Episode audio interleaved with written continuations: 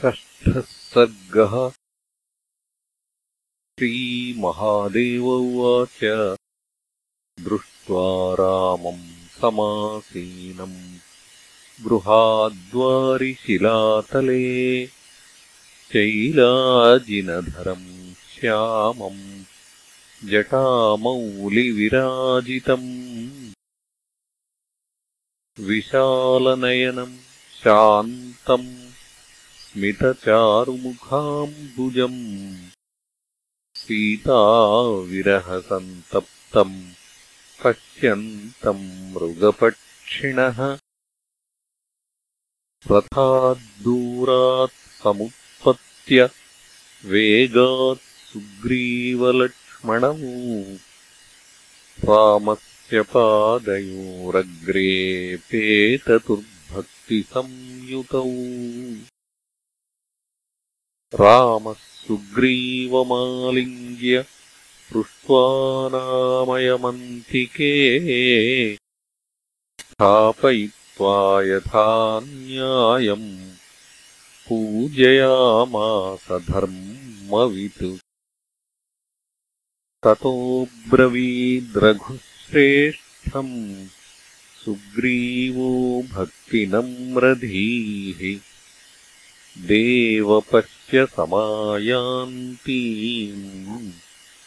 वानराणाम् महाचमू तुलाचलाद्रिसम्भूता मेरुमन्दरसन्निभाः नानाद्वीपसरिच्छैलवासिनः पर्वतोपमाः असङ्ख्याताः समायान्ति हरयः कामरूपिणः सर्वे देवांशसम्भूताः सर्वे युद्धविशारदाः अत्र केचिद्गजबलाः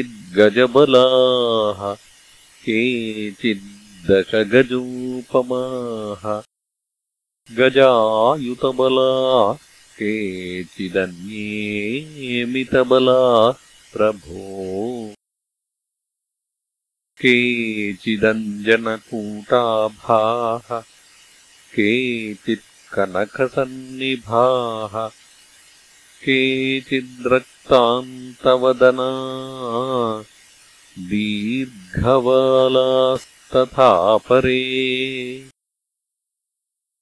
शुद्धस्फटिकसङ्काशाः केचिद्राक्षससन्निभाः गर्जन्तः परितो यान्ति वानरायुद्धकाङ्क्षिणः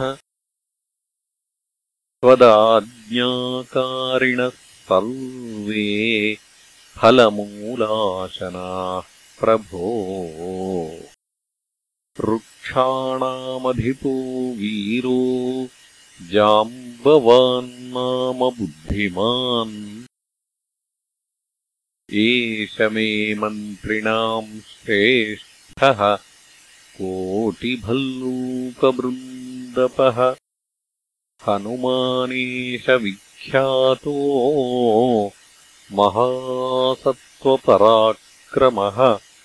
वायुपुत्र तेजस्वी मन्त्री बुद्धिमताम् वरः।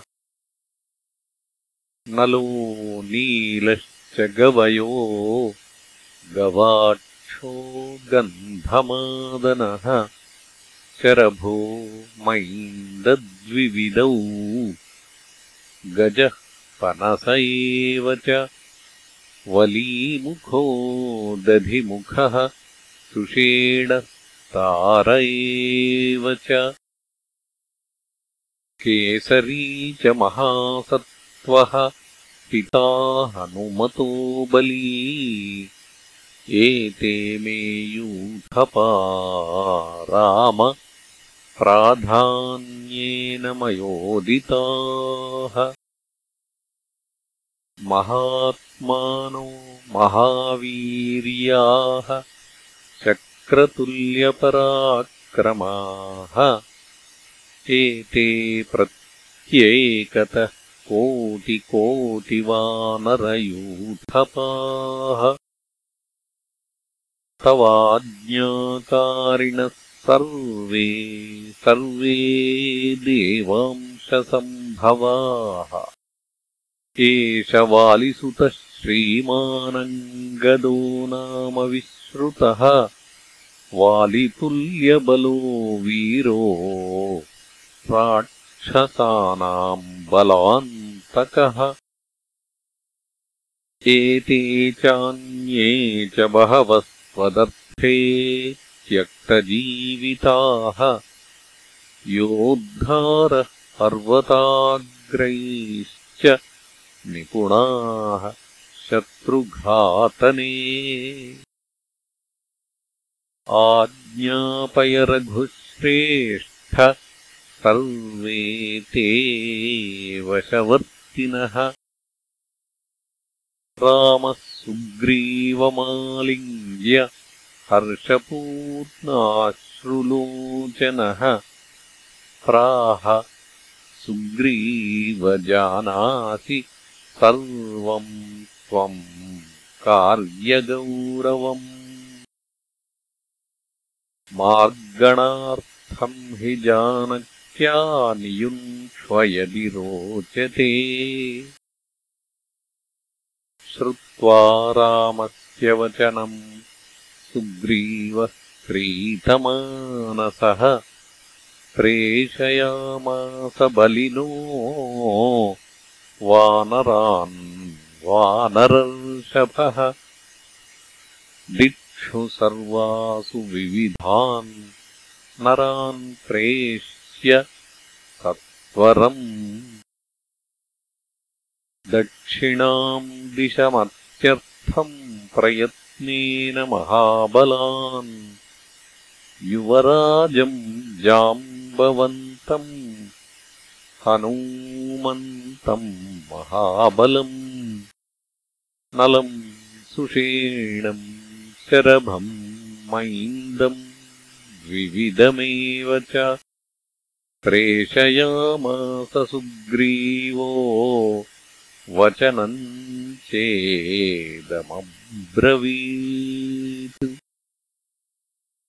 विचिन्वन्तु प्रयत्नेन भवन्तो जानकीम् शुभाम् मासादर्वात् निवर्तध्वम् मच्छासनपुरःसराः सीतामदृष्ट्वा यदि वो मासादूर्ध्वाम् दिनम् भवेत्।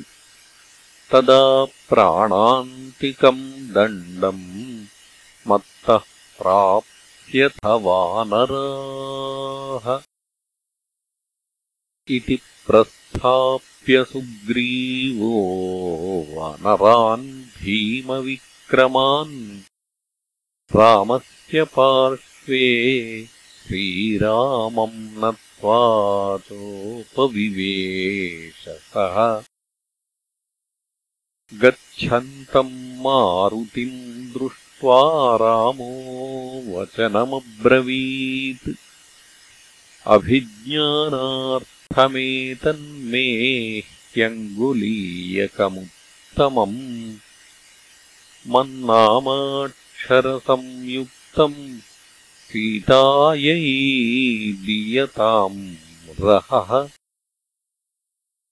अस्मिन् कार्ये प्रमाणम् हि त्वमेव कपितत्तमा।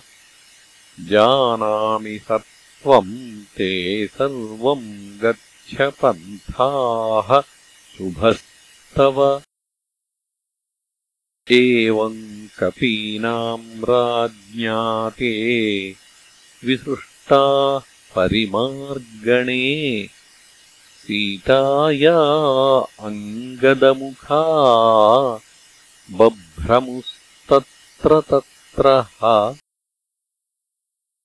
भ्रमन्तो विन्ध्यगहने ददृशुः पर्वतोपमम् राक्षसम् भीषणाकारम् भक्षयन्तम् मृगान् गजान् रावणोऽयमिति ज्ञात्वा केचिद्वानरपुङ्गवाः जघ्नुः किलकिलाशब्दम् मुञ्चन्तो मुष्टिभिः क्षणात्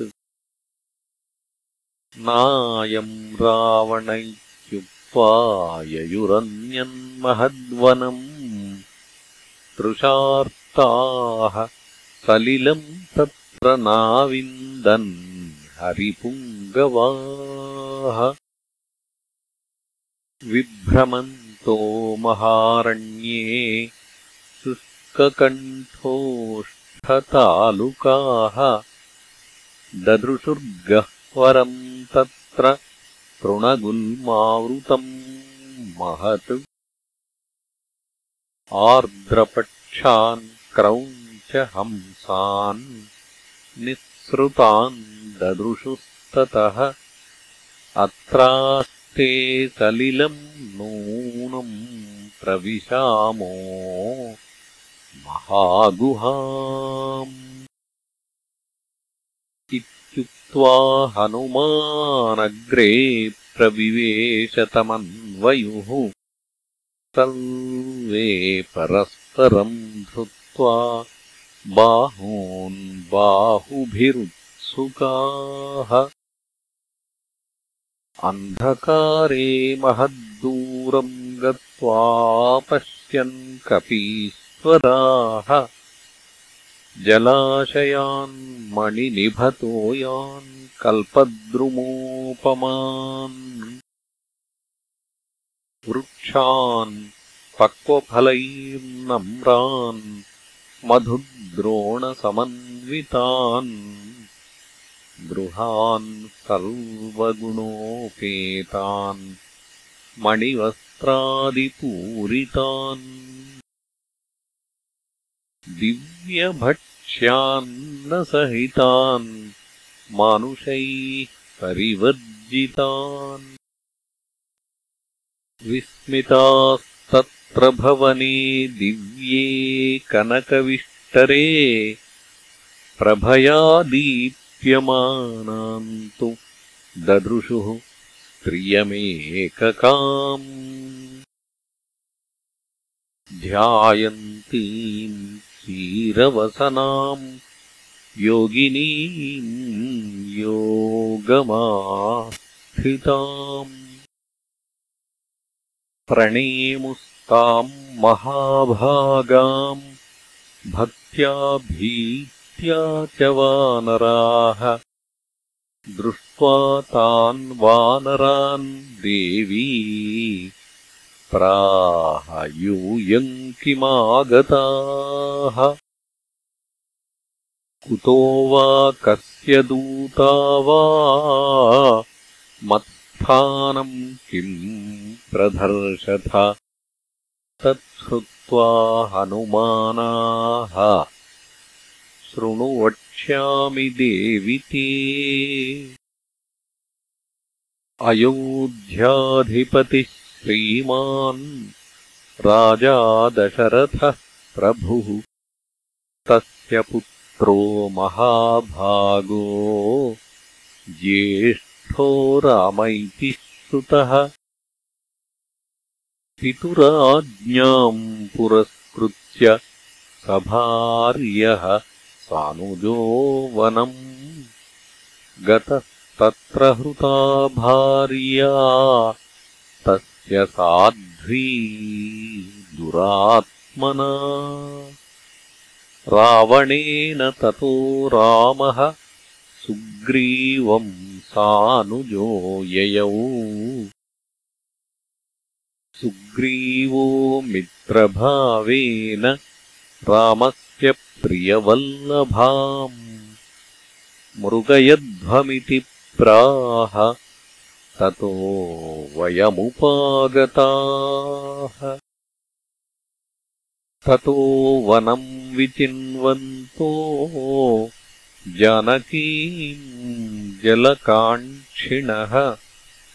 प्रविष्टागह्वरम् घोरम् दैवादत्र समागताः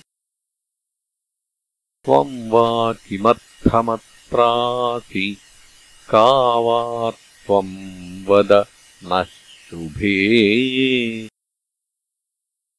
योगिनी च तदा दृष्ट्वा वानरान् प्राह हृष्टधीः यथेष्टम् फलमूलानि जग्ध्वा पीत्वामृतम् पयः आगच्छत ततो वक्ष्ये मम वृत्तान्तमादितः। तथेति भुक्त्वा पीत्वा च हृष्टास्ते सर्ववानराः। देव्याः समीपम् गत्वा ते बद्धाञ्जलिपुटाः स्थिताः ततः प्राह हनूमन्तम् योगिनी दिव्यदर्शना। हेमा नाम पुरा दिव्यरूपिणी विश्वकर्मणः। पुत्री महेशम् नृत्येन तोषयामास भामिनी तुष्टो महेशः प्रददाविदम् दिव्यपुरम् महत्। अत्र स्थिता सा सुदती। वर्षाणामयुतायुतम्। तस्या अहम् सखी विष्णुतत्परा मोक्षकाङ्क्षिणी नाम्ना स्वयम् प्रभा दिव्यगन्धर्वतनया पुरा। गच्छन्ती ब्रह्मलोकम् सा। माहेदम् तपश्चर। अत्रैव निवसन्ती त्वम् सर्वप्राणिविवर्जिते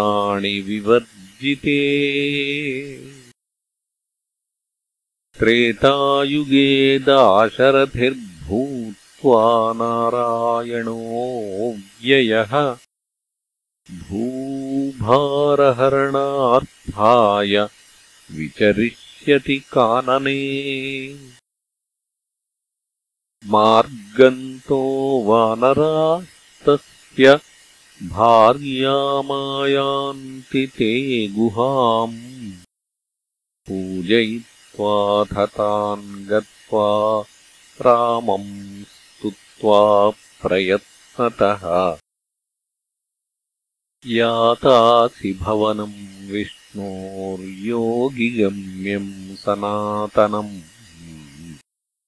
अतोऽहम् गन्तुमिच्छामि रामम् द्रष्टुम् त्वरान्विता।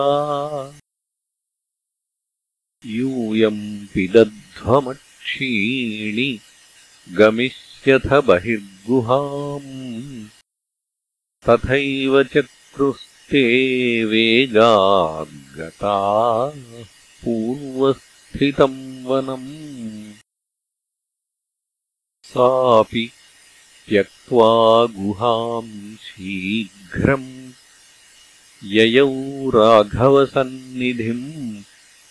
तत्र रामम् स सुग्रीवम् लक्ष्मणम् च ददर्शः। कृत्वा प्रदक्षिणम् रामम् प्रणम्य बहुशः सुधीः। आह गद्गदया वाचा रोमाञ्चिततनूरुहा दासीतवाहम् राजेन्द्र दर्शनार्थमिहागता। बहुवर्षसहस्राणि तप्त तम् मे दुश्चरम् तपः। गुहायाम् दर्शनार्थम् ते फलितम् मेद्य तत्तपः अद्य हि त्वाम् नमस्यामि मायायाः परतः स्थितम्। सर्वभूतेषु चालक्ष्यम् बहिरन्तरवस्थितम्। योगमायायवनिकाच्छन्नो मानुषविग्रहः। न लक्ष्यसे ज्ञानदृशाम् शैलूशैव रूपधृक्। महाभागवतानाम् त्वम् भक्तियोगविधित्सया। अवतीर्णोऽसि भगवन् कथम् जानामि तामसी। लोके जानातु यः कश्चित्तव तत्त्वम् रघूत्तम। ममैतदेव रूपम् ते सदा भातु हृदालये। रामते पादयुगलम् दर्शितम् मोक्षदर्शनम्।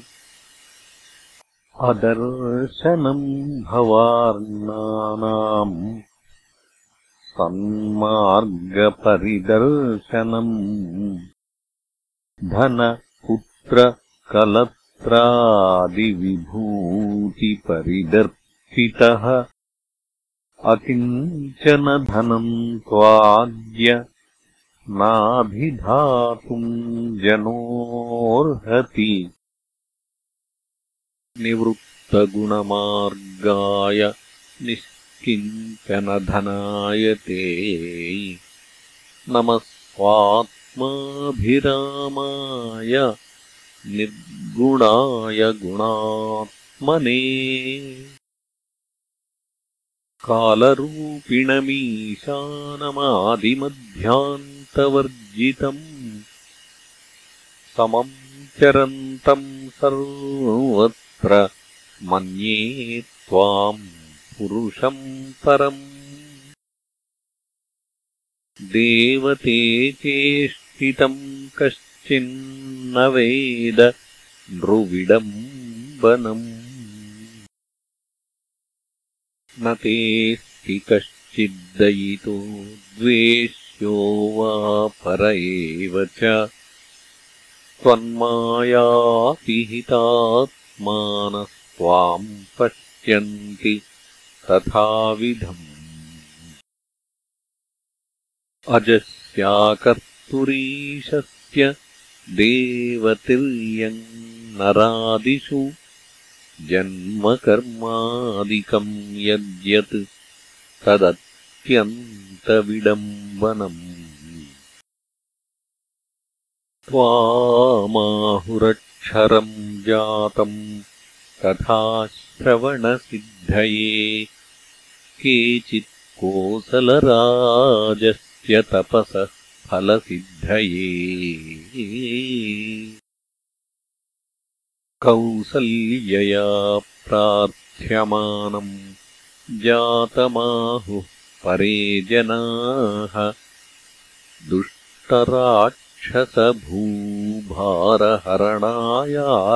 दुष्टराक्षसभूभारहरणायार्थितो विभुः ब्रह्मणा नररूपेण जातोऽयमिति केचन।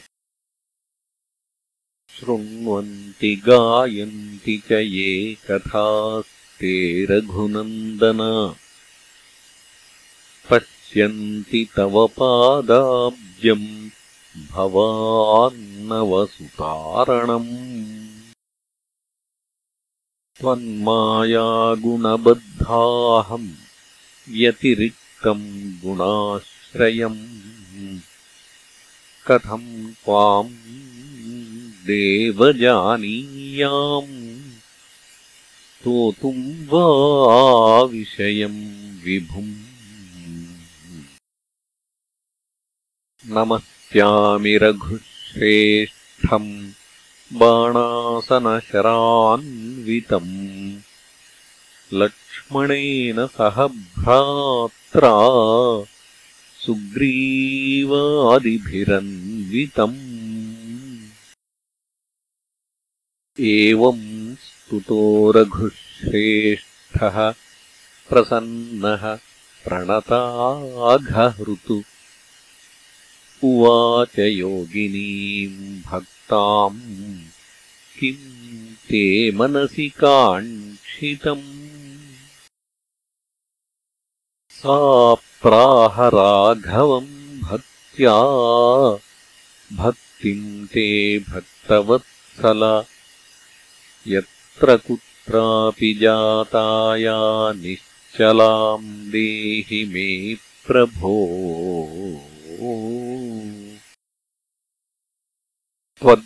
त्वद्भक्तेषु सदा सङ्गो भूयान्मे प्राकृतेषु न। जिह्वा मे राम रामीति भक्त्या वदतु सर्वदा। मानसम् श्यामलम् रूपम् सीतालक्ष्मणसंयुतम् धनुर्बाणधरम् पीतवाससम् मुकुटोज्ज्वलम्। अङ्गदैर्नूपुरैर्मुक्ताहारैः कौस्तुभकुण्डलैः भान्तम् स्मरतु मे राम। वरम् नान्यम् वृणे प्रभो। श्रीराम उवाच भवत्वेवम् महाभागे गच्छ त्वम् बदरीवनम् तत्रैव माम् स्मरन्ती त्वम् त्यक्त्वेदम् भूतपञ्चकम् मायेव परमात्मानमचिरात् प्रतिपद्यसे। श्रुत्वा रघूत्तमवचोऽमृतसारकल्पम् गत्वा तदैव बदरीतरुषण्डजुष्टम् तीर्थम् सदा रघुपतिम् मनसा स्मरन्ती। त्यक्त्वा कलेबरमवापपरम् पदम् सा। इति श्रीमदध्यात्मरामायणे उमामहेश्वरसंवादे किष्किन्धाकाण्डे षष्ठः सर्गः